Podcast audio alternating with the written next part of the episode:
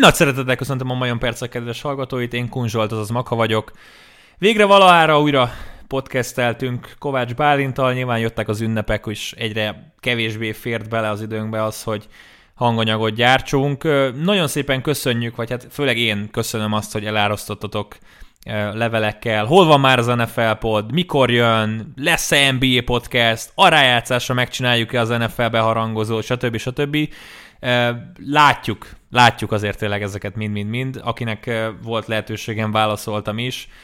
Úgyhogy hát elérkeztünk ide, csak és kizárólag az ünnepek tehetnek arról, hogy nem podcasteltünk december végén. Most viszont kötelességünknek éreztük, hogy egyrészt beszélgessünk az egyetemi rájátszásról, illetve az egyetemi döntőt némileg beharangozzuk, egy pár percről van csak szó itt a podcast elején, másrészt végigmenjünk a hat darab wildcard találkozom, Úgyhogy ö, szerintem egy nagyon jó kis hanganyag lett, vidám lett, sok érzelem volt benne, sok olyan dolgot vitattunk meg, ami talán csak az egyikünk véleménye, és a másiknak friss dolog volt, hogy egy picit elgondolkoztató volt. Én legalábbis bevallom őszintén, hogy próbáltam egy picit aktívabban részt venni ebben a podcastben. Nem feltétlenül adtam át a lehetőséget Bálinnak, hogy na, bedobok egy kérdést és beszélj 20 percig róla, hanem, hanem szerettem volna, hogy ténylegesen beszélgetünk, és én magam is elmondtam a véleményem egy-egy találkozóról. Úgyhogy fogadjátok sok szeretettel az NFL Wildcard körének bearangozó podcastjét Kovács Bálintal, de előtte jöjjön az intro. Justin Fields elindítja, és eladja Ez a vége! Szép a csel, Flurry mit véd? Atya úristen második kipattanóra, és mit védett Mark-André Flurry? Fornet megindul, és ha már megindul Leonard Fornet, akkor nem biztos, hogy bárki utol fogja érni. Felix Rosenqvist kicsúszik! A második helyről kicsúszik a svéd! Tíz körrel a vége előtt! És itt van Kovács Bálint. Szervusz Balcsika. Elérkeztünk ide azok után, hogy két hétig nem rögzítettünk podcastet, de hát karácsony volt, szilveszter volt, utaztunk ide-oda, amoda, dolgozni kellett 3 millió 500 ezer meccsen, most viszont a rájátszásra illendő módon megérkeztünk. A horkolás a háttérbe nem csak neked, hanem hallgatóknak is mondom a kis kutya, a kis 35 kilós dömper kutya. Remélhetőleg majd előbb-utóbb megunja itt a szisztémát, és inkább kimegy egy másik szobába. Mi a helyzet? Elérkeztünk ide, Balcsi. Rájátszás. Rájátszás az Arena 4 Szia Maka, én is köszöntök minden hallgatót. Nem voltam teljesen biztos, hogy itt a vírus helyzetben ezt meg fogjuk így ilyen formában élni, de örülök neki, hogy ez sikerült, és egy picit az intróra visszacsatolva, mert hát ugye az nemrég ment le, Justin Fields bizony elindította. Úgyhogy el, el. El bizony, nem is egyszer, de majd erről is egy picit beszélünk, de igen, rájátszás van az Arena 4-en, és hat parádés mérkőzéssel érkezünk szerintem itt a Super Wildcard hétvégén először ugye a az NFL történetében ugye a kibővített rájátszással, úgyhogy én nagyon-nagyon izgatott vagyok, meg tényleg vannak, vannak olyan talányok itt a fejünkben, meg olyan mérkőzések, amiket lehet, hogy nem tudunk úgy megfogni, mint korábban gondoltuk volna, vagy hogy így elsőre ránézel, és tuti biztos, aztán kicsit mélyebbre ásod magad, és mégse lesz annyira biztos. Úgyhogy uh, izgalmas, izgalmas pont itt a, a, az adás előtt beszéltük, hogy egy darab dome meccs lesz mindegyik mm. másik találkozó, valam, valamennyi öt találkozó az uh, szabad téren fog lejátszódni, és ez megint csak ad egy kis pikantériát itt a maximum 7, minimum mínusz 5 fokban. Igen, ez az igazi rájátszás hangulat, nem punciskodni egy dóm melegében, az kell, kín a hidegbe, törjenek a csontok, szakadjanak a szallagok, ez, ez, ez szeretjük Biztos, hogy a futballisták is így gondolják. így van. Bele gondolunk, hogy a két első kiemelt is ugye, hát szabadtéren fog játszani. Igen, és nem a legjobb időben, tehát ugye se Kansas City-ben, se Green Bay-ben nincs a legjobb idő, hát ugye Green Bay erről híres, hogy hogy ott még nem láttak jó időt rájátszás meccsen. De egy picit visszatérve Justin Fieldsre, nem menjünk el az egyetemi rájátszás mellett. Akik NFL-re kapcsolódtak be, azoknak mondom, hogy nagyjából 5 percet fogunk erre rászállni, annyit érdemes talán előre tekerni. Egyéb, én kicsit meglepődtem ezen az Ohio State performance-on. Hát nyilván Lorenzbe már tavaly beleszerelmesedtem, így meg, hogy a Jacksonville Jaguars játékosa lesz egyértelmű most már a, a, a crash, de tehát azok után, hogy Fields ki lett ütve, és bement ugye a sátorba, én nem tudom, hogy hány injekciót szúrtak a seggébe, de tehát utána kezdett el, mint egy ilyen Superman szárnyalni, és ugye nem arról volt szó, mint Lamar Jacksonnál, ugye a Browns esetében, hogy bement egy kettesre, hanem tényleg látszódott, hogy nem kap levegőt, alig bír menni, ehhez képest úgy mozgott ki a zsebből, mint egész szezonban sem. Kicsit olyan volt, mint Ratlisberger a Colts elleni meccs második féldeiben, tehát ott se értettem, hogy mi történt, szerintem ugyanazt lövelték be mind a ketten a testükbe. Mit gondolsz az egyetemi bajnoki döntőről? Szerinted a két legjobb csapat van-e ott? Ez az első kérdésem, és a második, hogy mi az előzetes tippet, tehát nyilván együtt közvetítjük majd, úgyhogy majd a lényeget ott mond el, amikor odaérünk. Nem is húzom túl sokáig, pedig nagyon sok gondolat van a fejemben. Én azt gondolom, hogy a két legjobban felkészített csapat, a playoffra legjobban felkészített csapat van ott, és ezt szerintem el is tudja ismerni a Clemsonnak a vezetői stábja, hogy ők nem teljesen készültek fel arra, amit kaptak az Ohio State-től. Ugye nagy játékok arányában teljesen le lettek játszva a pályáról, és ez egy borzasztó meglepetés volt nekünk. Ugye együtt követtük ezt a meccset, nem láttuk jönni, hogy ekkora bombákkal, ekkora játékokkal fog ostromolni az Ohio State, és ugye erre a Clemson meg egyáltalán nem számított jó. Turner nem volt az első fél időben, ugye Skalskit pedig kiállították, úgyhogy nagyon érdekes volt a, ez a találkozó, szerintem sokkal izgalmasabb, még annak ellenére is, hogy azért el, nagyon hamar elment az Ohio State a Clemsontól, de a, az első elődöntő szerintem nagyon nagy csalódáskeltés volt azzal kapcsolatban, hogy mennyire sikeres és hatékony volt az Alabama játékról játékra is, hogy teljes mértékű fogalmatlanság volt a Notre Dame-nél támadó oldalon. Két, hát az, ez egyik legjobb csapat az országban, az biztos, hogy az Alabama, abban nem vagyok meggyőződve, hogy az Ohio State is um, hát százszerzalékos szezont hozott, mármint hogy ugye a lejátszott hm. meccsek tekintetében és a lejátszott meccseknek a, a minősége tekintetében, de aki megveri a Clemson-t, és aki így megveri a Clemson-t, szerintem nem kérdés, hogy ott a helye. Igen, azt szerintem hagyjuk abba, hogy a, a Notre Dame-et a rájátszásba rakjuk, tehát semmi értelme nincs. Szegény. Texas nem. Jó, tehát velük se lettünk volna szerintem bejebb, de tehát most Jack Cone-nal, hogyha jövőre is a legjobb négyben lesz a Notre Dame, akkor én már tényleg nem tudom, Az mit csinálok. Baj. Hát figyelj, végre, végre megszabadultak ilyen buktól, és akkor jön Jack Cohn, tehát szenzációs. Máshol meg Jamie Newman transferel, hogy aztán egy percet ne játszon. Azért, azért ez, ez mindent elmond. Na, egyébként 8 pontos favorit az Alabama a, az egyetemi döntőre. Sok, kevés, vagy helyben van? Előzetesen szerintem ez így helyben van. Talán, talán egy ponttal több, mint amennyire én számítottam volna. Én a mínusz hetet mondtam volna. Ö, ne, fogadhatatlan nekem ez a mérkőzés. Hogy, hmm. ö, tehát simán el tudom képzelni, hogy az alapban mondjuk az első játék, vagy az első drive-jában eladja a labdát, és rögtön elugrik tőlük 10-14 pontra mondjuk az Ohio State. Persze vissza tud jönni az Alabama, de az már ugye a győzelemért, nem pedig a, a spread um, visszahozásáért, úgyhogy uh, rengeteg fordulatra és, és uh, izgalomra számítok, nem írnám ki egyik csapatot se ideje korán ebből a mérkőzésből.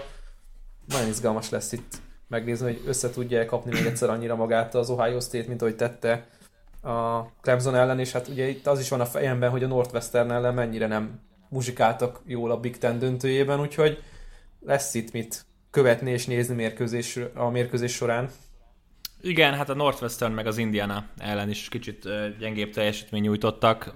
Fieldsnek közel sem volt ilyen jó meccse, mint a Clemson ellen, de abszolút megvan az esélye szerintem, hogy a Buckeyes megnyeri egyébként a döntőt, ugyanakkor így, hogy Waddle is visszajön, Devante Smith Heisman trófeával a kezében már utolsó meccsét játsz az egyetemi bajnokságban, és hát van egy Mac Jones, aki úgy néz ki, hogy tudja hozni azt, amit kell, és, és teljesen megbízható nagy mérkőzésen is.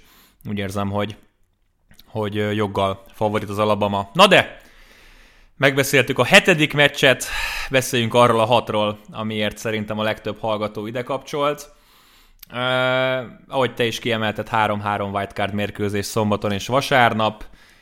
Igazából minden wildcard hétvégén, és egyébként ez nagyon furcsa, de javicska tévedek, tehát így, hogy több wildcard csapat van, és több wildcard meccs van, gondoltam volna, hogy lesz talán legalább egy hasznavetetlen rossz meccs. Tehát mondjuk, ha nem akarok senkit megbántani, de hogyha nagy nehezen a Vikings beküzdötte volna magát, vagy szívemre teszem a kezem, ha a Dolphins beütött volna. Most azért végignézek ezen a hat meccsen, persze, van ami kilóg, azért ez a Saints Bears szerintem elég erőteljesen kilóg, nagyon csúnya lehet ez a Washington Tampa Bay is adott esetben, meg hát igazából bármelyik meccsben benne van a blowout, de azt érzem, hogy, hogy első ránézésre ezek a párharcok, ezek így jól néznek ki, és mindig be, beleláttam azt, hogy, hogy izgalmas találkozó lesz. Kezdjük is el a sort az első meccsünkkel, szombaton 19 órától Buffalo Bills fogadja az Indianapolis Colts együttesét. Azt a Colcot, akik nagy nehezen bevergődtek a rájátszásba, bár ugye nem könnyítették meg saját helyzetüket, kisia volt, hogy oda-vissza kikapjanak a, a Jaguars-től, de összességében Jaj, de aranyos vagy, köszönöm szépen. Ö, Balcsika, neked van söröd? Mert én most kaptam egyet. nem, nekem nincs, de van egy nagyon kellemes pohár víz mellettem, és ez most teljesen kielégít minden igényt, amire szükségem van. Jól van, akkor én lehet, hogy... De egészségedre! Kösz szépen. Na, szóval, visszatérve a Billshez és a Coltshoz.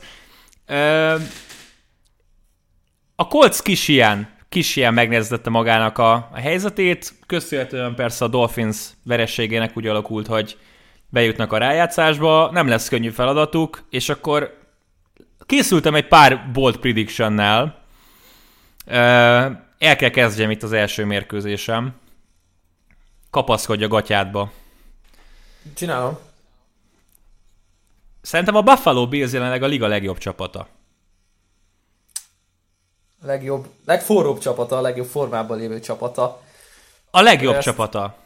Nem, nem, nem kell nekem más melléknév, a legjobb, és ha megkapom a Bills Chiefs meccset egy semleges pályán, amire nyilván nem tud sor kerülni a rájátszásban, én, én a Bills-t vinném jelen pillanatban. És tudom, Föl hogy, hogy százból három ember ért most velem egyet, de az egész azonban a, a Chiefsnek a felszopása volt itt a téma a podcastben, most akkor engedje meg mindenki, hogy azt mondjam, hogy jelenleg, amit a Bills-től látunk, hétről hétre, támadó és védő oldalon, és amit a Chiefs-től látunk hétről hétre, ezek a kis, most nyilván nem a 17. hétre meg Chad gondolok, de az előtte lévő sorozatukra minden meccset három ponttal, négy ponttal, egy ponttal, öt ponttal megnyeregetnek, az utolsó, fél, utolsó negyedben rá kell kicsit kapcsolni, hibamentes drive-ra van szükség. Ez a rájátszásba szerintem egy ilyen Buffalo Bills ellen nem férne bele. Úgyhogy én, én, én ezt megjósolom előre, Nekem az AFC-ből a Super Bowl tippem az a Buffalo Bills jelenleg, és szerintem egy nagyon domináns performance kezdik a Colts a rájátszást. Én azzal tudok menni egyébként, hogy a Buffalo Bills pont akkor kapcsolt a sebességbe, abba a sebességbe, ami a playoff fokozatot jelenti, amikor kellett, és és itt gondolkodhattunk volna azon, hogy jó, akkor elengedik ezt a, ezt a Dolphins elleni meccset, de nem az, hogy elengedték, hanem a torkukra léptek, és kitaposták a, az utolsó szuszt is ugye a, a Dolphinsból, és megvillant a special team, megvillantak a nagy játékok újra, úgyhogy hát én kezdenék egy picit izgulni a Colts szurkolók helyében, mert tényleg amit látunk a bills az félelmetes, és tényleg a védelem is kezdett jobban összeállni itt az utolsó hetekre, ami igazán félelmetes, félelmetessé teszi ezt a csapatot, mert ugye hát van egy elit támadósoruk, és ezt már ki lehet jelenteni, illetve hát a ligában a legnagyobbat uh, ugró játékos teljesítmény, ugye Josh Allen, most már róla is úgy beszélünk, mint egy elit irányító, vagy hogy benne van a top 3 MVP jelöltben, úgyhogy nem lesz Hogy nincs dolga. benne? Tehát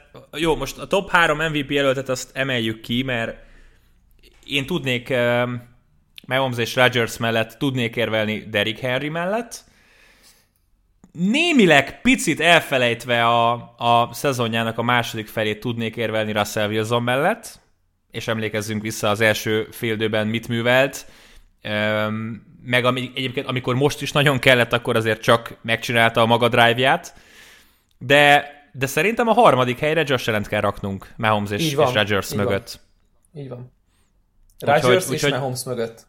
Rodgers és Mahomes mögött elnézést, igen. Hát ezzel, hogy Mahomes ugye kise jött a 17. hétre, ezzel abszolút eldölt a, az MVP sorsa, csak azok a táblák voltak furcsák, amiket kitettek, hogy meg egyébként ez ugye a Heisman trófeánál is néztük, hogy mindenkinek kim van az arca, alatta a statisztikák, de hogy nem egy statisztika mindenkinél, hanem mindenkinél a legjobb statisztika. Tehát Rodgersnél egy, ennyi touchdown, Mahomesnál ennyi yard, Josh Allen ennyire pontos. Tehát, hogy gyerekek, tehát akkor vagy mind a hármat írjuk ki, vagy egyiket se. Tehát ennek aztán az ég a világon semmi értelme. Na mindegy. Ö, én azt gondolom a meccsről, hogy tehát ami biztos, Taylor nem fog 250 yardot futni, bármennyire is furcsa ez. Tipikusan a, a beleragad a földbe típusú meccset látom. Egy yard, két yard, két és fél yard, mínusz egy yard. Na, egy tíz yardos összejött, akkor most már lehet építeni a futójátékra. Ja, zsinórban három egy yardos futást követ, vagy követi. Picit ez az érzésem a, a Colts futójátékáról. Riversben semmi bizalmam nincs a hidegben, a Bill secondary szerintem tudnánk órákat beszélni, és ez a Bills védelem összességében nagyon összeállt itt a szezon második felére. A szezon első felében arról beszéltünk, hogy jaj, de szép lenne, hogyha olyan lenne, mint a tavalyi Bills védelem, és kicsit az az érzésem, hogyha nem is teljesen, de a szezon második felére végére elértek azt a szintet. Igen, csak ismételni tudom magam, hogy nagyon szépen fejlődtek itt fel az igazán fontos pillanatokra. Én azt gondolom egyébként, hogy a Coltsnak ott, le, ott lehet a plafonja, és a, akkor lehet a legnagyobb szerencséje, hogyha úgy próbálnak um, dolgozni, vagy olyan olyasmi képet fest majd a játék, mint a Packers ellen. Ott is azért eléggé elszaladt a Packers ott a második negyed környékére, 14 uh-huh. Mhm. ponttal vezettek a félidőbe, majd olyan jól alakították, meg változtatták a játékokat a második félidőre a Colts oldalán, ugye teljesen megfogták Rodgerséket, és gyakorlatilag hát rendben, hogy, hogy rájátszásban is egy fumble után labdát szerezve nyertek, de ha, ha sikerül alkalmazkodni a Billsnek a nagyon-nagyon magas fokozaton pörgő támadósorához, és miért ne sikerülne, mert, mert Iberfusnak van akkor a zsenie, hogy ez működjön. Kérdés az emberanyag elég lesz-e hozzá ezen a mérkőzésen, de akkor kijöhet egy, egy izgalmas és érdekes találkozó. Ugye ez lehet a Coltsnak a plafonja, hát a padlója az pedig közte sok. Hmm. Említetted ezt a Packers elleni meccset, picit az az érzésem, mintha azt az évi egy comebackjét akkor Rivers már le tudta volna. Tehát, akkor őt... viszont korán tudta le. Igen, csak az a baj, hogy, hogy ő is az a típusú irányító, akire nem bízom a csapatomat hátrányban, mert garantáltan jön még egy pikk a végén, ami, ami lehet, hogy egyébként a karrierének az utolsó pikje lesz, ha úgy alakul. Hát uh, igen. Igen, na hát ugye végig tippeltük a szezon Balcsi, a handicapekkel kapcsolatban nem túl sokkal, de végül is megnyertem. Ugye volt három hiányzó forduló, de azokat se tudtál volna behozni. Úgyhogy most itt már nem a tippelésről szól a dolog, inkább a handicapek átbeszéléséről. Hat és fél pontos favorit a, a Buffalo Bills hazai pályán. Azt teszem fel, amit az egyetemi döntőnél is tettem. Kevés, sok, vagy a helyén van? Um, annyiban lehet itt beszélgetni hazai pályáról, hogy ugye egyfelől engednek be minimális nézőt a méltán híres Bills maffiából, akik elég nagy bulit tudnak csapni a mínusz 70 fokban is, mert őket nem igazán izgat bármilyen körülmény. Ugye mínusz 6 és fél, hidegben, domcsapat idegenben, Buffalo-ban, szurkolók, újra playoff, újra rekordokat döntő támadósor, én erre bemennék. Hmm. Hát, nézd, um, furcsa ez, hogy nem egy hetes. Furcsa ez a hat fél. Tehát, um, Én a nyolc félre mondanám azt, hogy már ott elgondolkodom, hogy... Én, én inkább úgy vizsgálom, hogyha tíz lenne, bemennék-e a kolcra, talán igen, de de még ott is egy kicsit szájhúzva. Ez a hat fél, ez, ez nem, nem lepődök meg, hogyha ha bezúdul a, a Bills Money az egész héten, és utána szerintem viszonylag tisztán, tisztán megnyerik. Nekem az az érzésem, hogyha mondjuk elmennek tízzel, akkor visszajön a Colts.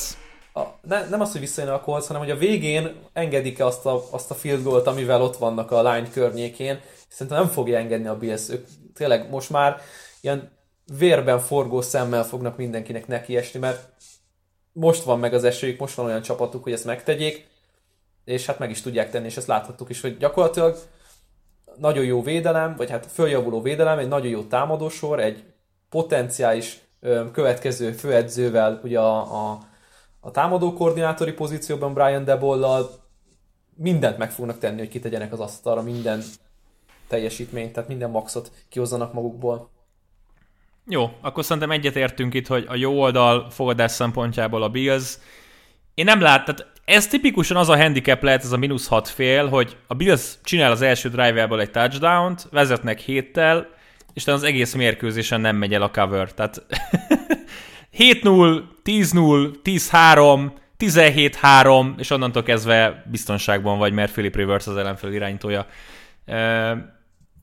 A kolcról nem mondtunk sok pozitívumot, vannak pozitívumok. Én látnám őket egyébként tovább jutni más EFC csapat ellen. Több EFC csapat is van, akik ellen a kolcot bemondanám, de mivel így kezdtem a bearangozót, hogy szerintem a Bills az EFC legjobb csapata, és nem csak a wildcard körben, így ez, ez igencsak nehéz feladat lesz nekik. Seahawks, Rams a következő meccsünk 22-40-től szombat este.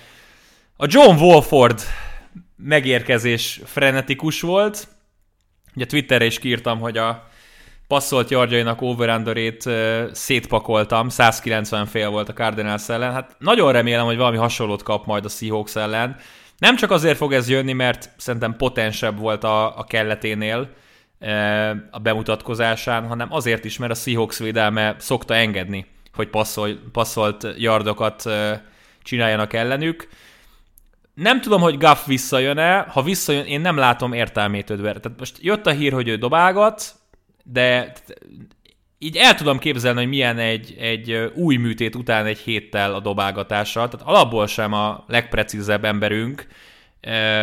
Félkézzel, vagy, vagy négy ujjal, meg, meg főleg nem érzem azt, hogy, hogy érdemes lenne egy rájátszás meccsen erőltetni, akkor már inkább a remek debütáláson túllévő jó momentummal érkező csereiránytot dobnám be. Viszont furcsa módon nem tudom, meghallgatom a véleményedet, kit kezdetnél, kezdjük itt. Ha te vagy a Rams. Húha, ugye itt két dologról beszélünk, vagy két dolog van a fejemben. Az egyik az, hogy ez a támadó sor, ez teljes mértékben, teljes egészében Jared Goffnak a képességeire van szabva, az ő tudását próbálják minél jobban kiaknázni, vagy az ő tehetségét próbálják minél jobban kihasználni. Ez az egyik, és akkor ezért mondom azt, hogy Jared Goff. A másik pedig az, hogy amit láttunk az előző mérkőzésen, azt az üdes színfoltot, amit ugye Wolford hozott, kiszabadulásban, megnyújtva a játékokat, higgadtan, mobilisan dolgozva a zseben kívül, hát én, én nem azt mondom, hogy kit játszatnék, hanem hogy kit szeretnék, hogy játszon, és az John Wolford, és nem azért, mert egy hú, de unikális, szenzációs irányító, de én azt gondolom, hogy azzal, amit ő nyújt, um, fut, azzal, amit ő nyújt földön, és egy picivel több időt szerez magának, azzal nagyon sokat árthat a Seahawksnak, és azt gondolom, hogy emellé meg hozzá lehet tenni azt a rövid passzjátékot, ami működött eddig is a Ramsnél, menjen ki a labda gyorsan az irányító kezéből, oda az elkapóknak, a tight futójátékosnak, és próbálják meg minél gyorsabban um, szerezni a yardokat földön, labdával a kézben. Um, és emellé ugye jöhet még egy, egy picivel izgalmasabb támadójáték is, mint amit Gofftól látunk. Ezek, ezek, ezek vészmegoldások, mert nincsen egy olyan playbookja a Ramsnek jelenleg, hogy ezt fönn tudják tartani egy playoff menetelés során, de, de én azt gondolom, hogy, hogy ez egy nagyon izgalmas mérkőzés lehet, hogyha nem Jared Goff játszik, és ha pedig teljesen egészséges lenne, akkor én nem gondolkodnék, hogy ki a kezdő irányító, mégiscsak az, akire felhúztam egy szezont. Persze. Az, az, de ha, ne, ha, ha, csak, ha csak 97%-os Jared uh-huh. Goff, már nem biztos, hogy vele mennék. Na, én azt gondolom, hogy nem lesz 90%-os sem. Tehát, hogy tehát nem tudom, hogy hány embernek műtötték már az ujját. Nekem soha nem műtötték az ujjamat, de el tudom képzelni, hogy az milyen.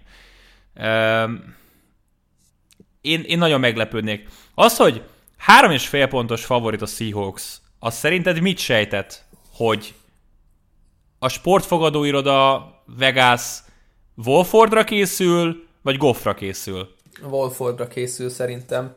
Igen, mert ugye a Rams másfél pontos favorit volt két hete, mikor játszottak a csapatok? Három hete? És ugyanúgy Seattle-ben volt talán az a találkozó, és akkor mondom, a Rams volt favorit idegenben. Seattle-ben, aztán ugye a Seahawks viszonylag simán megnyerte azt a meccset, de ezek alapján én azt mondom, hogy annyi változás nem történt, hogy, hogy most három és fél pontos favorit legyen a Seahawks, 5 pontos swingről beszélünk. Igazából érdekelne a véleményed, hogy számít-e itt, hogy most ez a két csapat harmadszor találkozik, vagy az alapszakasz sűrűjében kevésbé tudsz felkészülni, tudom, nyilván egy hét van két meccs között, tehát alapvetően mindenkire fel lehet készülni, de így, hogy, hogy a rájátszásban játszanak, szerintem ez egy teljesen új párharcot, teljesen új dimenziót nyit ennek a két csapatnak, vagy készüljünk föl valami hasonlóra, mint amit láttunk három hete azt a szenvedést. Én üdébb mérkőzést várok, mint amit láttunk pár héttel ezelőtt. Nagyon sok mindent fognak tudni egymásról a csapatok, hogy mi az, ami működik, mi az, ami nem, és mi az, amin lehet javítani. És talán ez ö, lehet az igazán érdekes a két csapat szempontjából, hogy azok a hibák, amiket a három héttel ezelőtti mérkőzésen elkövettek, pontatlanságok, meg nem értések, rossz kivitelezések, azokat ugye lehet javítani. Más kérdés, hogy mennyire nyúlnak a playbook mélyébe, akár csak a Seahawksnál, ugye róluk még nem beszéltünk annyit, de nagyon izgalmas lehet az a párharc, amikor ugye a nagyon erősnek gondolt, vagy nagyon erős Seahawks támadósor um, neki megy a nagyon-nagyon erős Rams védelemnek, az egyik legjobb védelemnek a ligában, és, uh-huh.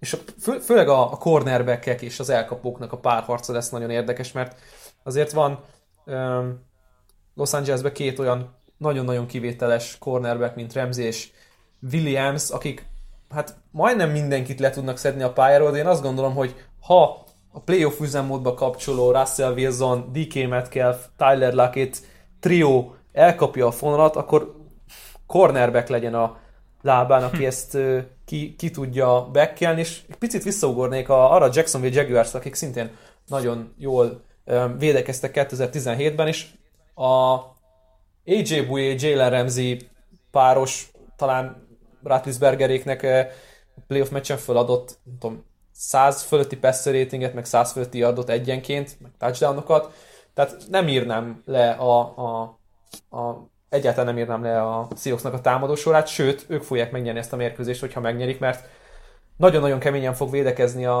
a Rams, és muszáj lesz, mert bárki az irányítójuk kevésbé esélyesek vele, mint ugye a Seattle um, Wilsonnal, úgyhogy uh, itt, itt tényleg erősség az erősségnek feszül neki, és ez, ez nagyon izgalmas. Igen, hát Remzi szezonjáról ugye nem sokat beszéltek a médiában, mi azért beszélgettünk erről, tehát azért amikor meccsenként 20 yardot engedett, vagy valami, tehát szánalmasan kevés szám jött ki, akkor, akkor nekem ne jöjjön senki azzal, hogy Xavier Howard az év védője. Oké, okay, persze, volt 10 interceptionje, de bocsánat, tehát Remzi felé körbe az egész szezonban nem dobtak 10-szer, tehát nehéz úgy interception csinálni, hogyha annyira levéded az emberedet, hogy, hogy az irányt oda néz, jó, hát akkor arra nem dobok. És mindezt mondom úgy, hogy tehát gyűlölöm, megvettem az embert. Tehát szerintem ez teljesen egyértelmű az én számból, hogy, hogy amit leművelt a Jaguarsnél, azok után az egész karrierje alatt nem lesz már számomra egy pozitív pillanata, de amit el kell ismerni, azt el kell ismerni. Ö, igazából én azt mondom, hogy pusztán, hogyha az irányítókról beszélgetünk, akkor egyértelmű a fölény a Seahawksnál. Ha az edzőkről beszélgetünk, némileg szerintem pici előny a Ramsnél, és Pete Carroll nem tartom egy rossz edzőnek, csak az az igazság a seahawks kapcsolatban, hogy mindig felemelkednek, vagy leesnek az ellenfél szintjére. Ez most már egy hosszú éves tendencia, nem igazán tudnak simán meccset nyerni.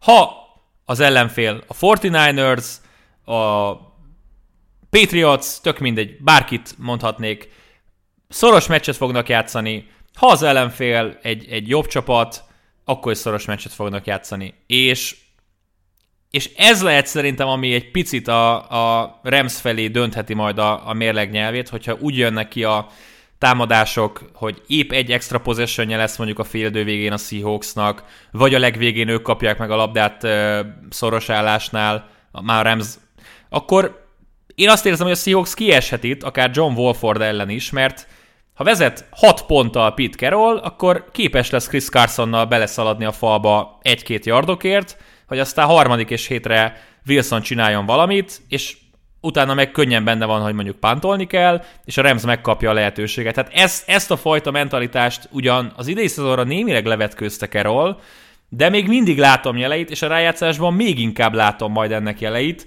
és egyébként abszolút benne van a pakliban, hogy ez egy ilyen 17-14-es meccs lesz, kicsit hasonló, mint ami pár héttel ezelőtt volt, mert meg lesznek a lehetőségei a Seahawksnak, biztosak lehetünk benne, hogy Wolford miatt a Rams nem egyszer és nem kétszer fog pántolni a saját térfeléről, de, de úgy érzem, hogy emiatt a, az instabil, néha konzervatív, néha bevállalós hullámvasút miatt meg lesz a lehetőség a Ramsnek. Szerintem a Seahawks jut majd tovább, és egyébként kellene egy touchdownnal nyerniük, de, de ez csak a papír, mondom, ha majd ott leszünk a mérkőzésen, akkor teljesen más dolgok történhetnek. Balcsi? Mehetünk. Esetleg, Mehetünk. Hogyha... Jó, nem, figyelj, gondoltam, hogy még van egy kétszavas reflektás. Annyi, annyit mondanék. Ha nincs, nincs. Hogy, hogy csak, csak akkor nyerhet a Seahawks ebben a rájátszásban, hogyha agresszívak és, és nem, nem a konzervatív irányba mennek el, mert nincs olyan jó védelmük, hogy ezt meg tudják húzni. Mm. Úgyhogy e, szerintem ezt kell egyébként a Remzelen is, hogy agresszívan, bevállalósan, nem konzervatívan, hanem minél jobban kinyitva a playbookot. Harmadik és utolsó meccsünk szombaton Washington Football Team Tampa Bay Buccaneers, hát kicsit szenvedve, kicsit nyögvenyelősen, de a Washington bejutott a rájátszásba köszönhetően a, a, az Eaglesnek és Nate Sutfeldnek. Öm, az első gondolatom az volt, amikor megláttam ezt a párharcot, nyilván tudtuk jól, hogy a Tampa lesz az ötödik kiemelt, és az NFC East győztese ellen kell majd menni, de az volt az első érzésem, hogy alapvetően biztosan óriási favorit lesz a Buccaneers, de ha visszaemlékszem mondjuk arra a Giants elleni meccsre, talán hétfői vagy csütörtöki meccs volt, visszaemlékszem arra a Bears elleni meccsre, ahol ugye Brady elfelejtett négyig számolni, vagy nem tudott ötig számolni, vagy nem tudom, mit akarok mondani. Lényeg az, hogy nem tudta, hanyadik down jön. Ezeket az esti meccseket a Buccaneers az egész szezonban nem élte meg jól, főleg gyengébb csapatok ellen. Jó, hát volt az a Saints elleni blama is, amikor kikaptak egy millió nullára, vagy millió háromra a végére, de... Saints ellen nem tudta Brady a ötödik down. Szerintem nem a Saints ellen volt, szerintem a Bears ellen volt. É, nekem, ne, szerintem, szerintem a Bears elleni vereség során, mert a Saints ellen mindegy volt, olyan simán kikaptak, de ott a meccs, meccs végén Brady mutatta a négyest, miközben ugye a negyedik kísérletet elrontották.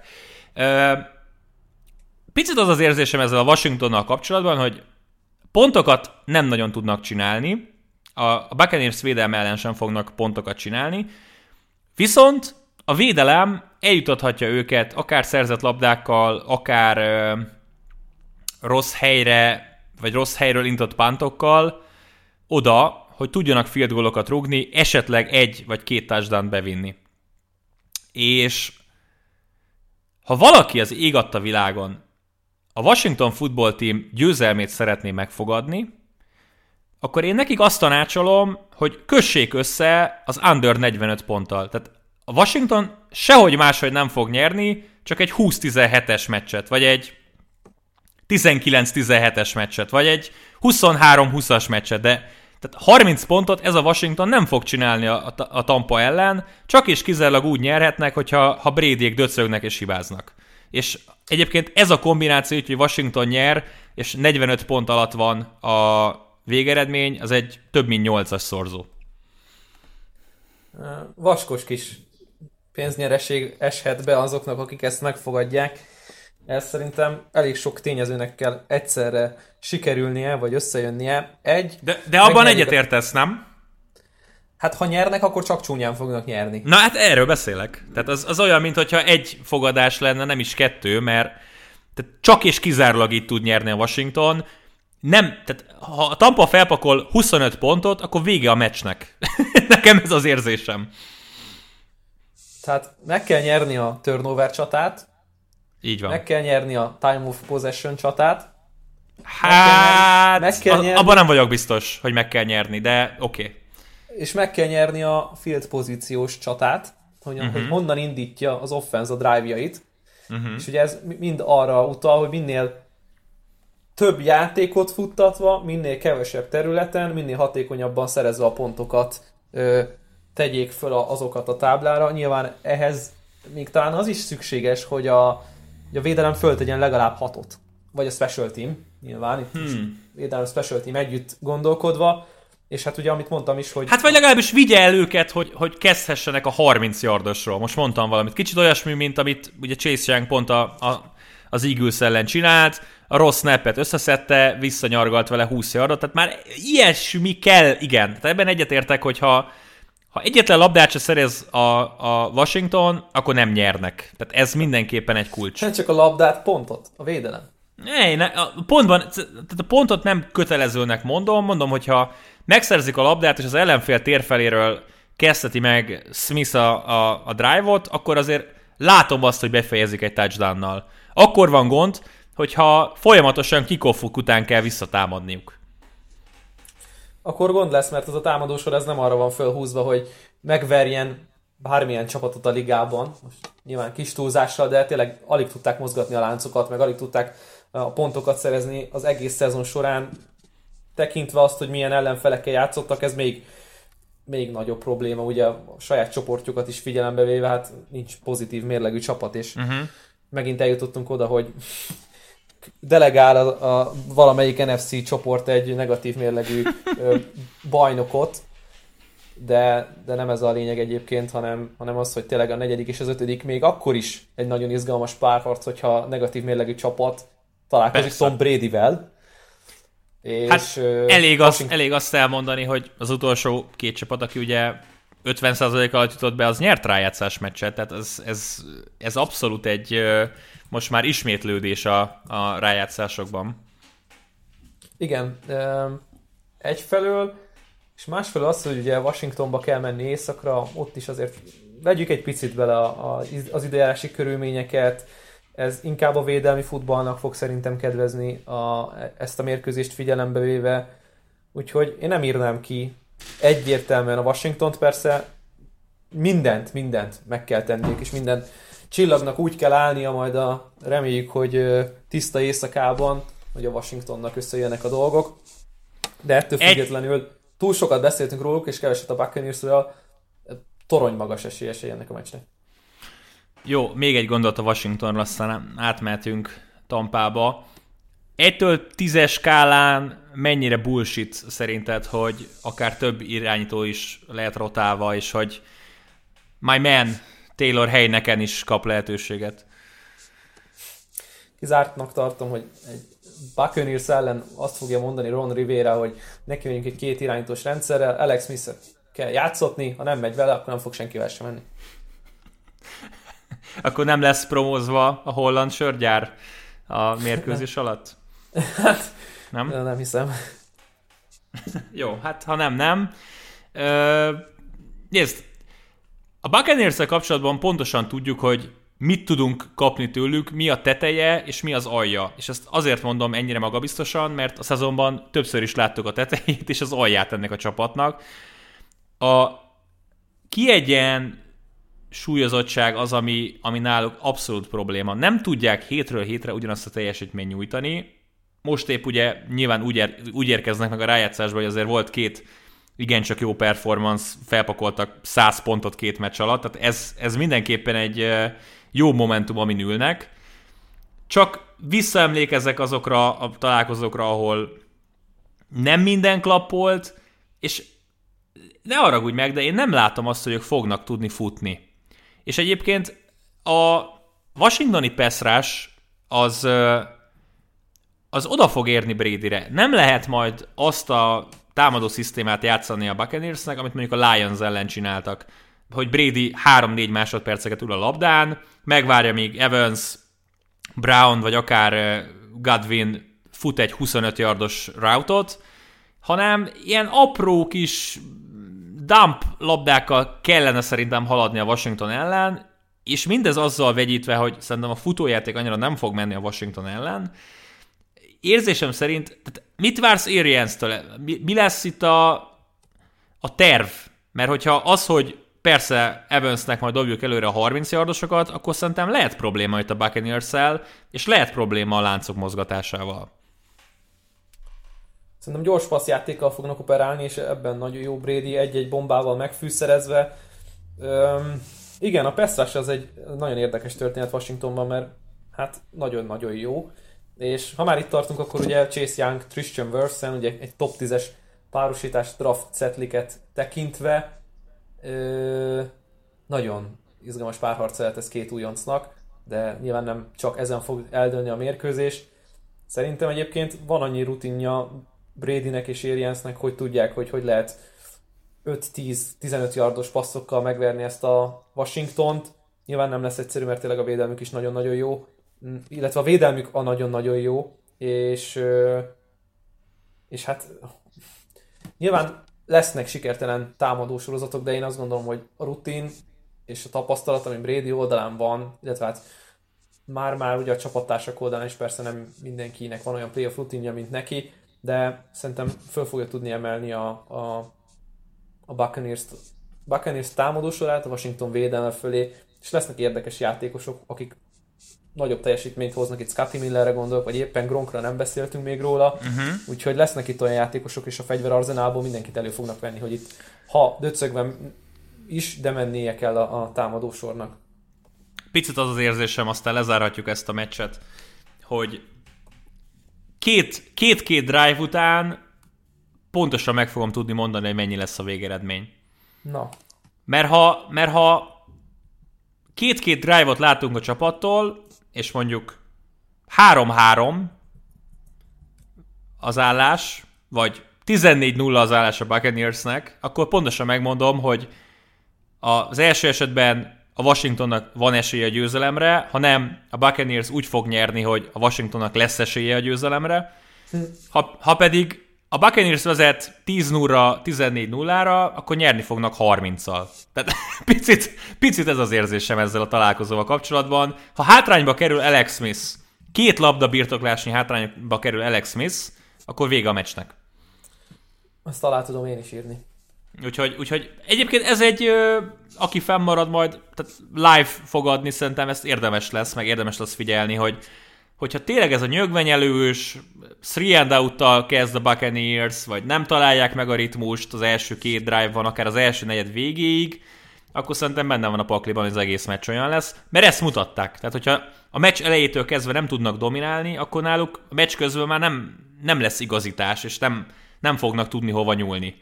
E, és még egyszer visszacsatolok itt a, a Giants meg a Bears elleni szenvedésekre. Na, vasárnaphoz eljutottunk, Balcsi. 19 óra Tennessee Titans, Baltimore Ravens. Papíron szerintem a legjobb meccs az egész wildcard hétvégén. Igen, nehéz ezzel vitatkozni, hogy a, a, ez a találkozó, és abból is, vagy abból is kiindulva, hogy, hogy ugye milyen pikáns, érdekes mérkőzés játszottak az alapszakaszban, illetve, hogy mennyire forrón érkezik a Ravens a playoffba, és akkor tényleg őket meg említhetjük úgy, hogy a második legforró vagy legjobb formában lévő csapat az A legveszélyesebb. Szerintem egyébként a, a Billsre is óriási veszélye lennének, hogyha össze ö, találkoznának. Hát ö, igazi nagyfiús, kőkemény futball lesz itt kora este, ugye, magyar idő szerint, kint idő szerint ugye kora délután. Hát ö, nyilván ugye a futójáték az, amiről legelső sorba kell beszélni, de szerintem a passzjáték fogja eldönteni ezt a mérkőzést, hogy melyik irányító lesz az, amelyik hatékonyabban, jobban mozgatva a láncokat, jobban passzol a first downokért tud támadni. Mindkét irányító megmutatta, az egyik egy kicsit kevesebbszer, a másik kicsit többször, hogy tud profitálni a futójátékból. Ugye itt Tenehill többször, Lamar Jackson kevesebbszer, de én úgy érzem, hogy Jackson most úgy kapta el a fonalat, hogy hát nagyon vigyázni kell az ő karjával. Hmm.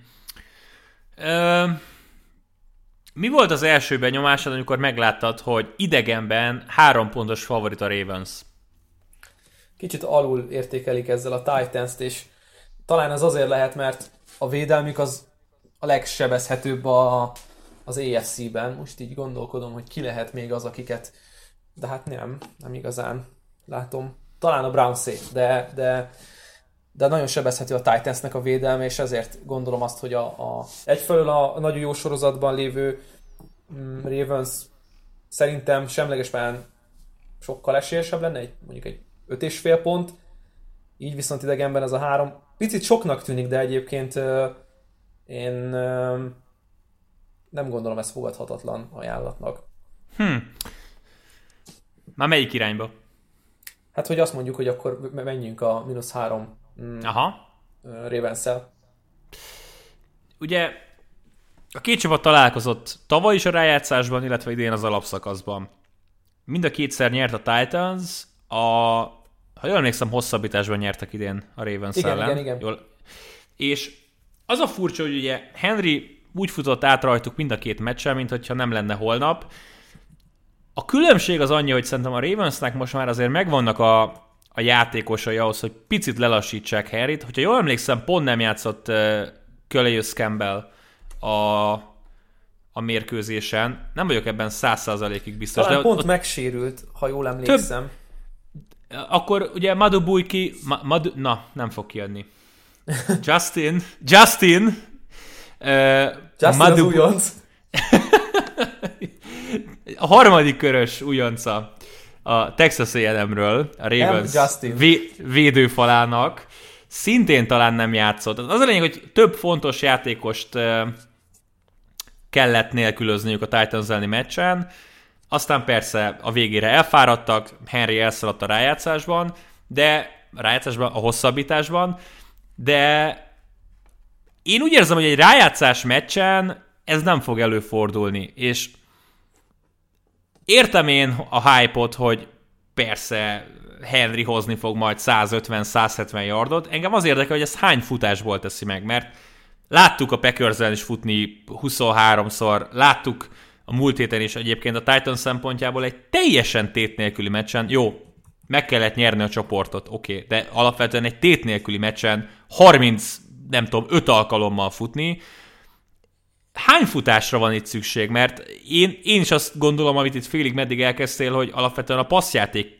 kell, hogy itt főszerepet kapjon, mert lehet, hogy egy-egy negyed majd véget ér 20 perc alatt, mert mind a két csapat futni szeretne, de, de szerintem majd a passzjátéknak kell eldönteni a találkozó végén, hogy itt ki lesz a nyertes, és furcsa ezt mondani, de én valamiért a Ravensben érzem a, a nagyobb lehetőséget ebben az ügyben.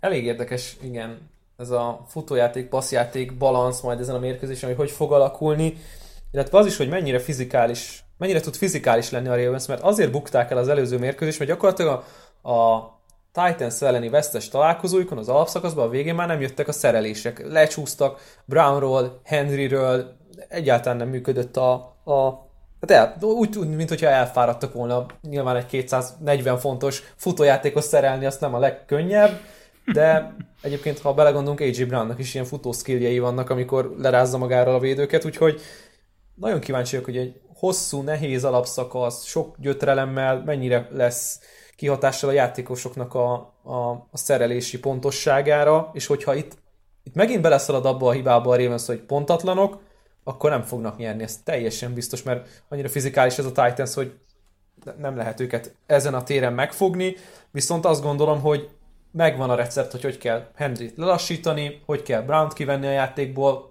a Packers megmutatta tökéletesen a legjobb védelmi gameplant, amit a Titans ellen lehet hozni. Persze öm, nem feltétlenül vannak meg emberanyagban, de talán pont azok a hiányosságai a, a Ravens védekezésének, mint a Packersről gondoltuk, ugye a futás ellen, a linebackerekkel semmit nem tudnak kezdeni. Ez a Ravensnél is lehet, erős fronttal, jó secondary lehet, nem azt mondom, hogy teljes mértékben le lehet másolni azt a gameplant, amit hozott a Packers, de lehet átvenni olyan okosságokat, amivel ugye megfogott Henryt, már nem működik annyira a play action, már nem működik annyira a, passzjáték, úgyhogy uh-huh. nem megfoghatatlan ez a Titans, de hogyha ha be tudják rugni az ajtót az elején, és tényleg egy-két nagyobb futással bevisznek egy-két nagy gyomrost, akkor, akkor hosszú-hosszú éjszaka el lesz a Ravens védelmének. Igen, tehát Jacksonba sem bízom egyébként, hogy több touchdownos előnyt ledolgozva visszajön és megnyeri a találkozót. Ez teljesen egyértelmű. Egy ilyen kiki csatában tud a Ravens majd tovább jutni, meg a Titans is. Tehát picit azt érzem, hogyha ide-oda változik a vezető csapat szerepe, akkor amelyik talán szerencsés lesz a legvégén, és utoljára támadhat, vagy a hosszabbításban először támadhat, ott, ott érzem, hogy, hogy megvan az esély majd. Akkor a ravens mondtad szerinted a, a mínusz hármat, ami, ami most neked jobban tetszik, ugye? Mm, igen. Aha, hát én is inkább ezen az oldalon vagyok egyébként. Hiába van hazai pályán a Titans. Picit azt érzem, hogy, hogy a Ravensnek lehet ez egy sima meccs, kicsit olyasmi, mint amit a Packers ellen láttunk. Apropó Packers, hány EFC csapatot sorolsz a Packers elé? Kettőt. Kettőt? Igen. Jó. Chiefs Bills gondolom. Igen, igen. Jó. Csak gondoltam, egy ilyen keresztkérdés bedobok, hogyha már ezen a héten velük nem foglalkozunk. Ö, utolsó előtti meccsünk. Saints Bears papíron a legsimább találkozó. Ö, együtt leszünk rajta, ugye? Így van, így van, így, lent. így lesz. Együtt, együtt leszünk rajta, együtt leszünk rajta, úgyhogy még azért reménykedhetünk, hogy talán szoros lesz. Ennek ellenére, hogy itt most megbeszéljük, hogy nem lesz szoros. Hát igen, a Berz is kapott egy lehetőséget a sorstól, köszönhetően a Cardinals vereségének. Nem vagyok benne teljesen biztos, hogy ők megérdemlik, hogy itt legyenek a rájátszásban, de az NFC-ben ezt meg tudták oldani. A Cardinals se érdemelte volna meg, tehát félreértés ne essék. Teljesítmény alapján nem gondolnám, hogy bármelyik is rájátszás csapat. Ennek ellenére picit van egy olyan érzésem, mint ha már szóba került a 7-9-es Seahawks még annak idején, hogy ők is idegenbe mentek a Saints ellen, jött a nagy Lynch futás, amiről azóta is beszélünk, egy sok pontos meccs lett. Képes a Bears hasonlóra? Tehát egy nagy Montgomery megindulás, a védelem nagyon jó ütemben szekkeli Breeze-t, pont jön egy jó ütemű interception, Trubisky az átlagosnál, vagy megszokottnál jobbat hoz, és a végén a Bears tovább jut. Látod ezt magad előtt? hazudnék, ha azt mondanám, hogy nem. Mert valamiért picit azt, és, és tegyük félre, hogy mennyire nagyon jól megkonstruált csapata van a, a Saintsnek, de én azt gondolom, hogy valamiért, és nem tudom teljesen megmagyarázni, hogy miért, persze vannak, vannak itt ráutaló jelek, hogy mik lehetnek a, a, az átütő erők ebben a, a Bearsben, de én azt gondolom, hogy tarthatják szorosan ezt a mérkőzést, és vannak olyan fegyvereik, akikkel nagyon nagy sebeket ejthetnek a Saintsnek a védelmén. Ez nem lesz túl egyszerű, de ha belegondolunk abba, hogy um, mit művelt mondjuk um, Ellen Robinson az előző mérkőzésen uh-huh. Marshall Latimoron, akkor az lehet egy, egy olyan pont, amit meg lehet fogni. Darnell Mooney elszakadhat, bármikor jöhet egy olyan hatalmas átadás, mint amit a Packers ellen csináltak, ugye Trubiskivel. A futójátékban is én azt gondolom, hogy lehet, lehet alapokat keresni, de nyilván nagyon-nagyon nehéz dolga lesz a Bersnek, mind támadó, mind védő oldalon, mert nem fogják tudni meccselni azt, amit a Saints tud. Viszont ha a Saints belehibázik a mérkőzésbe, akár Letimor megégetik egy hosszú TD-ért, akár elmegy középen egy nagy futás, amire kevésbé látok esélyt, de van itt egy nagyon érdekes statisztika, hogy a Bersre 50 olyan zászlót dobtak a szezonban, ami first down eredményezett az ellenfélnek. Az szép. És ez a legtöbb a ligában egyébként viszonyításképpen a Los Angeles Rams 19-et hozott csak össze, ugye meccsenként kvázi egyet, úgyhogy ha így pontatlanul, egy kicsit túl értékelve magukat, vagy nagyon a Bears, Bears felé, vagy a Bears felé, de Bears. Bears. Breeze, Csak szeretnéd, Breeze, hogy Bears legyen itt, kérlek. Breeze a Bears ellen, szóval a Bears fölé helyező magukat, akkor itt megéghetnek Persze, mint ahogy az előző mérkőzések szinte mindegyikén elmondtuk, az egyik csapat arra van kitalálva, hogy kontrollálja az órát, többet legyen náluk a labda, megpróbálják elvenni az ellenfél támadójá, támadósorától a, a játékszert azzal, hogy ők birtokolják, ugye ez a Bears, ők inkább arra vannak kitalálva, hogy előnyben játszanak mm, ball controlt, mint hogy hátrányban próbálják a 14 pontot visszahozni. Ez már, már klisé, de egyébként nagyon sok túl sok csapat. Igen, túl, tehát ebben a rájátszásban, vagy ebben a podcastban is túl sok csapatról mondtuk ezt el. Az az érzésem ezzel a meccsel kapcsolatban, hogy képes Trubisky bevinni majd egy, egy ütést az elején, tehát mondjuk egy szépen megkomponált, előre megtervezett drive-ot végig tud venni a Bears, vinni a Bears, lesz vele 7-0 vagy 7-7, mondjuk, mondtam valamit, vagy akár 7-3, talán még azt is belelátom, hogy sikerül egyből visszakapniuk, tudnak vezetni mondjuk 10 0 de hogy utána vége. Tehát eh, valamiért azt gondolom, hogy a meccs eleje szoros lesz, elhisszük azt, hogy uha, na, figyeld meg, itt még a Bears meccset csinál, és utána jönnek a szokásos Trubisky dolgok. Tehát eh, nem tud majd a saját démonjaitól elmenekülni Trubisky, és nem, nem tudja nem odadobni Ellen Robinsonnak a labdát, amikor három darab Saints secondary játékos van a három centis környezetben. Már pedig lesz olyan pillanata a meccsnek, amikor kötelező lesz, hogy ezeket megpróbálja. Meg majd elindul Mooney a szélen, túldobja 5 méterrel, miközben adott esetben megverte a cornerbackét egy, egy méterrel. Tehát ezek az alapvető hibák szerintem ott lesznek, és emiatt én jogosnak érzem, hogy 10 pontos favorit a Saints, mert lehet, hogy Breeze-ben nem bízunk, már nem bízunk, hát nyilván itt akár lehet, hogy karrieri utolsó meccse lesz, ugye bejelentette, hogy vissza fog vonulni, tehát lehetne akár ez is a karrieri utolsó meccse. Nem dob hosszúakat, amit dob sem már a legpontosabb, de ezzel a személyzettel el fogja menedzselgetni a Saints, hogy kényelmesen nyerjenek, majd Kamara hozza a teljesítményét, majd Tomás kihúzza a csávából Briszt, amikor nagyon kell, elillő egy, egy Jared Cook, Latavius Murray majd negyedik és egyre átfut. Tehát ezeket látom végig a Saints-től, és, és szépen apránként a, a Bears védelme ebbe bele fog fáradni. Egy szoros első negyed, első fél idő után szerintem egy kényelmes Saints győzelem lesz.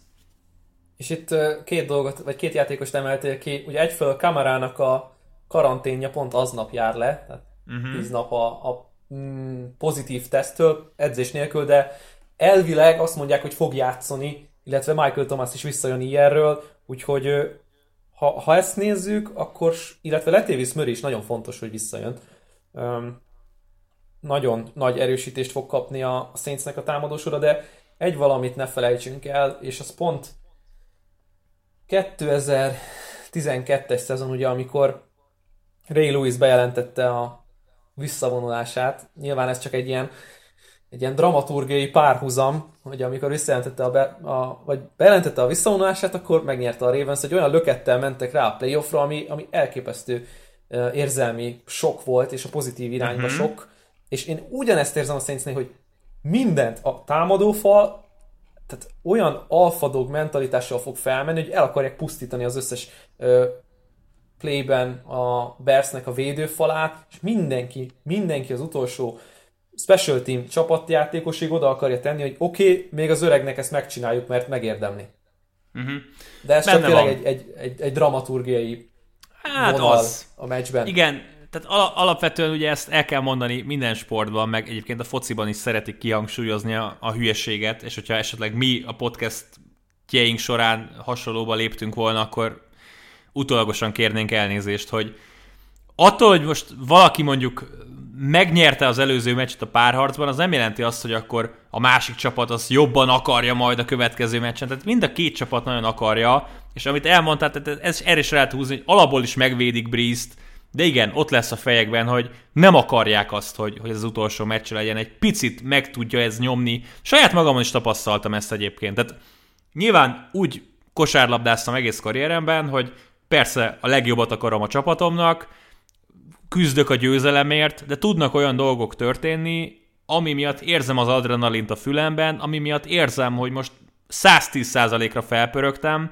és ez, ez, ez egy kis dolog megadhatja. Tehát ez, ez abszolút igaz, amit elmondtál, hogy a támadó falban ott lehet ez, meg az egész csapatban ott lehet ez Breeze kapcsán. Utolsó meccsünk jön. Hajnali 2 óra 10-től, 15-től ugye már hétfő hajnalban Pittsburgh Steelers, Cleveland Browns, olyan déjà vu van, mintha már ezt a meccset láttuk volna. Hát nyilván egy... Nem is olyan rég. Nincs egy hete, hogy közvetíthettem, sőt, ugye három nappal ezelőtt történt. A probléma a Brownsnál az, hogy kitört a Covid-láz, kulcsjátékosok kapták el, alapból is többen megsérültek a, a Steelers záró meccsen, ugye hát Peoples Jones kapott egy olyan ütést, amiből én nem tudom, hogy, hogy hogyan fog tudni visszatérni majd erre a wildcard meccsre. Sok a gond a Brownsnál, és amiben bízhatnak, hogy és egyébként ez, teljes, ez ma, ma jutott eszembe, gondolván arra, hogy majd podcastelni fogunk és felhozom, hogy nyilván a 17. heti meccsüket dobjuk a kukába. Jó, tehát Mason Rudolfal, Watt nélkül, Hayward nélkül, Hayden nélkül, tehát kulcsemberek hiányoztak a Steelersnél. Oké. Okay. Nem vesszük. Az előtte lévő négy meccsükből egyetlen jó félideje volt a Steelersnek, amivel fordítottak a Colts ellen a második féldőben. Egyetlen jó félidejük volt az utolsó négy meccsükön, hogyha a 17. hetet nem vesszük. És lehet azt mondani, hogy ők visz, most visszatértek, és Ratlisberger és atyaiék, hát milyen szép hosszú labdákat dobott Deontay Johnsonnak, meg Juju Smith-Schusternek, de biztosak vagyunk benne, hogy visszatértek? Mert ha, mi van akkor, hogyha ez a Steelers ugyanazt hozza, mint mondjuk, amit a Bengals ellen hozott? Beszélgettem egy Steelers-es barátommal, és most nem fog szeretni egyik szurkoló tábor sem, amikor ezt kimondom, de, de nekem picit olyan érzésem van, hogy ez az a mérkőzés, ahol a két lufiból az egyik kilukad. És, és ez egy nagyon erős párhuzam, vagy egy nagyon erős, hogy mondjam, ilyen egy példa lehet, hogy azért a Steelersben is ott láttuk egész szezonban a Lufit, hogy mikor fognak kipukkanni, mikor hisszük el azt, hogy ez tényleg nem egy olyan jó csapat, csak a védelem teljesít ember feletti, és a támadósor pedig egy, egy átlagos szinten dolgozik, és valahol a Cleveland Browns szezonjában is ugye kikaptak 38-6-ra, meg 38-7-re a Steelers-től ugye az első, illetve a hatodik fordulóban, megverték a Titans nagyon, fura vereségeket szenvedtek, ugye kikaptak még egyszer a Ravens-től, kikaptak a Jets-től, kikaptak a Raiders-től, hát furcsa. Úgyhogy tényleg egy ilyen hullámvasút szerű szezon volt, és nem tudtad elhinni végig, hogy oké, okay, ez a Cleveland Browns, ez egy, nyerheti a csoportot, kettő, ott lehet a rájátszásban, három, ez egy jó csapat lehet, mert vannak olyan csapatok, akik nem nyerték meg a csoportjukat, de elhisszük róluk, hogy jó, mondjuk a Buccaneers. Um, uh-huh. Jobban elhisszük róluk, hogy jó csapat. És uh, ugyanez igaz a Ravensre is, nem kell kimennünk a, az EFC északi uh, divíziójából, úgyhogy na, nagyon fura ez a, ez a ez a mondás, hogy melyik Luffy durran ki, de valahogy mégiscsak ezt érzem, hogy ezen a mérkőzésen el fog dőlni, hogy melyik csapat az, amikben hihetünk egy picit jobban, mint a másikban. Még mindig nem annyira, mint mondjuk a Billsben, vagy a Ravensben, mert nem mutatták azt a teljesítményt az elmúlt időkben, nincs olyan szájízünk. És igazad van, hogy tényleg, amit a Steelers mutatott itt a végén, az hát Colts elleni második félidő. Mm. És így ennyi, ami megmaradt pozitívumként. Még annyi, hogy lehet, hogy megtalálták az egyetértést támadó oldalon a Matt Canada, Randy Fichtner, Big Ben háromszögben, ugye nem tudom, hogy egy, egyáltalán lehet őket így egy helyen találni, vagy nem tudom, hogy a Steelersnél ők beszélnek egymással, vagy csak veszekednek, vagy egyáltalán nem beszélnek. Tehát, hogy ilyen fura, fura ez az offenszben ez a egyik drive-ban teljesen más koncepcióval támadnak, mint a másikban, aztán a harmadikban meg egy harmadikkal, hogy éppen ki a játékhívó, hogy az irányító, Fichtner, Kanada, ki, ki, mi, a, mi, a, mi a felállás, és ezt így nem igazán látom jónak egy, playoff találkozó előtt. Ez lehet, hogy ez lesz a tragédiájuk. Hmm. K- kettős érzésem van a browns kapcsolatban. Az egyik, amit elmondtál, igen, úgy tűnt, mintha az egész évben ilyen esik az eső, nagyon fúj a szél, csúszós a pálya, kízadunk egy három pontos győzelmet, meccseket játszottak volna. Tehát Csábnak van 35 yardja, három negyed alatt majd elszalad egy 60 yardosra, és akkor megvan a statisztikája. Mayfield mindig csak pont annyit hoz, mint amit kell. Ilyen meccseket nyeregettek, és lett meg végül is a 11. Jó, voltak hihetetlen győzelmeik, meg ugye nagyon pedánsan helytáltak a, a Ravens ellen is, ami egyértelműen a szezon egyik legjobb meccse volt. Szóval van egy ilyen érzésem velük kapcsolatban, amit te is elmondtál, hogy igen, ha kiesnek, simán mondjuk, senki nem fog meglepődni. Ugyanakkor a másik vállamon a kis ördög meg azt mondja, vagy az angyal, döntse el mindenki, hogy melyik, hogy ez a Browns ez képes lehet valami olyasmire, mint amit tavaly a Titans csinált. Tehát jó futójáték, épp nagyon jól alakul a védelemben minden, jön a kulcsszek, kiharcolnak egy fumble Geret révén mondjuk, épp a secondary el tud lopni egy pikket, és főleg mondjuk a Steelers ellen. Johnson nem tudja elkapni, felpattan a labda, már jönnek és levadásszák a secondaryből. I- ilyen, ilyen játékokkal én azt érzem, hogy ez a Browns az el tud menni egy, egy EFC döntőig. Tehát picit kettősség van bennem velük kapcsolatban, és nyilván majd a, ha, ha megnézzük, hogy konkrétan mi történik, akkor se leszek biztos abban, hogy egyik vagy a másik igaz. De ha most megverik a Steelers-t, jövőre, jövőre, hát jövő héten mehetnek ugye Kansas City-be, mint a legalacsonyabban e, kiemelt csapat, már persze, hogyha a Bills nem kap ki a Colts-tól, és én nem írnám le őket ott. Tehát, hogy nem tudom, hogy most egy chiefs vagyok -e egy picit lentebb az átlagosnál, és haragudtam-e meg rájuk, amiért tényleg minden héten szoros meccset játszottak, de én valamiért azt érzem, hogy ebbe a Brownsban van egyfajta lendület, hogyha, és ha visszagondolsz a, a Colts elleni meccsükre például, amikor Mayfield megállhatatlannak tűnt, sokkal jobban vigyáz a labdára, nem szorja el, Huntban lehet bízni, Chubbban lehet bízni, Higgins előrelép, Landry előrelép, épp Hooper kapja el. Szóval nem tudom, megvannak itt a fegyverek ahhoz, hogy a Steelers hibáit az könyörtelenül kihasználják, és mondom még egyszer, hogy ez a Ravens mérkőzés adott erről nekem bizonyítékot, amit végül ugye elvesztettek, de az a meccs az kétszer meg volt nyerve a Brownsnak. És ha, ha nincs a Jackson visszatérés, nincs a fordítás, negyedik kísérlet, Tucker extra rugása, stb. stb., akkor a Browns az lehet, hogy 12-4-jel állna. Szóval ez, ez a furcsaság így megvan bennem, nagyon-nagyon kíváncsi vagyok. Most ugye nyilván itt a Covid helyzet miatt ez a handicap felment 6 pontra, három és fél ponton nyitott. Nem tudom, tehát hogyha ha akár edző nélkül állnak ki, akár kulcsjátékosok áll, nélkül állnak ki, én érzem azért itt a meglepetést. Egy picit féltem itt a támadó fal belsejét, majd a Steelers borzasztó jó belső támadó védőfalától. Ez lehet egy pici döntő faktor, hogy mennyire fog menni a futójáték. Ugye azért egy guard, egy kezdő, egy All Pro szintű guard, vagy egy Pro Bowl szintű guard nagyon hiányzik bármelyik támadó falból. Úgyhogy ez érdekes lehet, de én valahogy így nem tudok ebben a Cleveland csodában hinni, és nem azért, nem szeretem a csapatot, vagy nem, én szimp- szimpatizálok mind Mayfield-el, mind a, a célpontjaival, megvan bennük a potenciál, de valahogy nem érzem azt, hogy, hogy most itt ezt a, ezt a Steelers védelmet fel tudnák úgy törni, hogy ez egy tovább, továbbjutást érjen.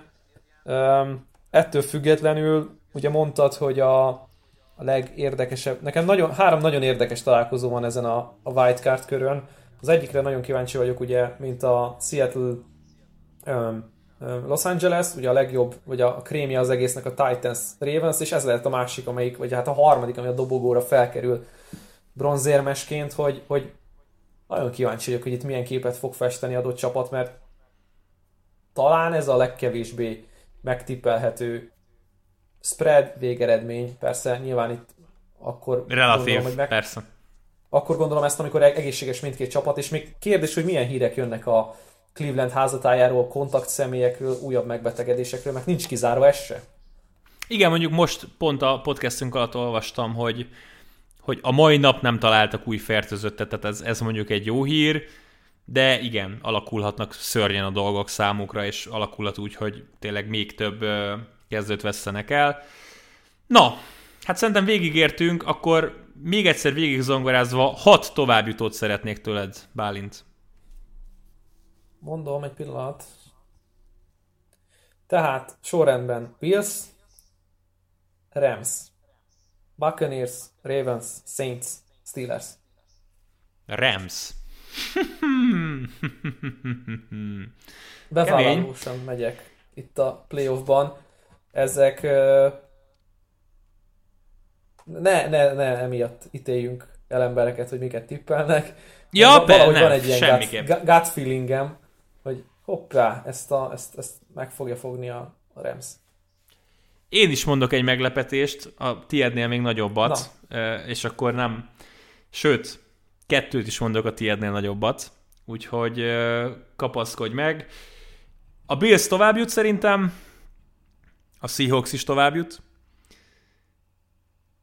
Én azt gondolom, hogy a Washington Football Team megveri a buccaneers. E- Ez most nem tudom, miért a podcast közben jött, lehet, hogyha holnap megkérdezem, már saját magamat ki fogom röhögni, de valamilyen nekem most van egy megérzésem, hogy, hogy ez a védelem, ez, ez be tudja gyalulni Bradyéket, és, és meglepetést okoznak, és akkor megy tovább a sorozat, hogy a 50% alatti csapatok nyernek a hazai pályán a rájátszásban. Ravens vasárnap, Saints vasárnap, és, és nem tudom levetkőzni ezt, szerintem a Browns tovább megy. És wow. a Browns 61-es Super Bowl otcát, tehát nem értem, Most? nem értem. 61-es, 61-es. Tehát ne, könyörgöm. Nem tud elmenni ez a csapat az AFC döntőig? Szerintem el tud. Szerintem el tud. És, és akkor ott meg már ki lehet venni, lehet hedgelni, akármit lehet vele csinálni. Persze, lehet, hogy kikapnak 25-tel a Steelers-től, de tehát az érték azt szerintem ebben a 61-es oddsban mindenképp ott van, mert kicsit nekem emlékeztetnek a tavalyi Titans-re. Na hát, ezt is megbeszéltük, Balcsika. Nagyon jó lesz nekünk, vasárnap akkor közösen találkozunk majd a... Mindenkinek szé... nagyon jó lesz. Így van, vasárnap közösen találkozunk majd a Saints Bears meccsen, de hát mind a hat mérkőzést közvetíteni fogjuk a, az NFL wildcard köréből. Elméletileg kedden jön majd az egyetemi bajnokság döntője, azért mondom, hogy elméletileg, mert még nem száz százalék, de a terv szerint e, nem lesz gond vele. Az Ohio State-nél vannak ugye Covid esetek, állítólag, de semmi konkrétumot nem tudunk. Úgyhogy hát lesz mit nézni szombat-vasárnap, és majd hétfőről kett hajnalban. Jövő héten pedig jövünk vissza a divíziós körrel, ahol megint egy picit okosabbak leszünk, és ahol megint óriási dolgokat fogunk jósolni. Ugye, Balcsi? Egy picit okosabbak, meg kevésbé okosabbak, mert olyanokat, olyanokat fogunk kapni, amikre lehet, hogy nem számítottunk. Igen, a Colts simán megveri a Bills-t, a Bears legyalulja a saints tehát már látom, látom, hogy az NFL az hozza majd a történéseket, nem? Tehát ez minden évben így van igazából. Legyen is. Meglátjuk. Minden esetre most elbúcsúzunk, köszönjük szépen a figyelmet, tartsatok velünk jövő héten is podcastünkben. Sziasztok! Sziasztok!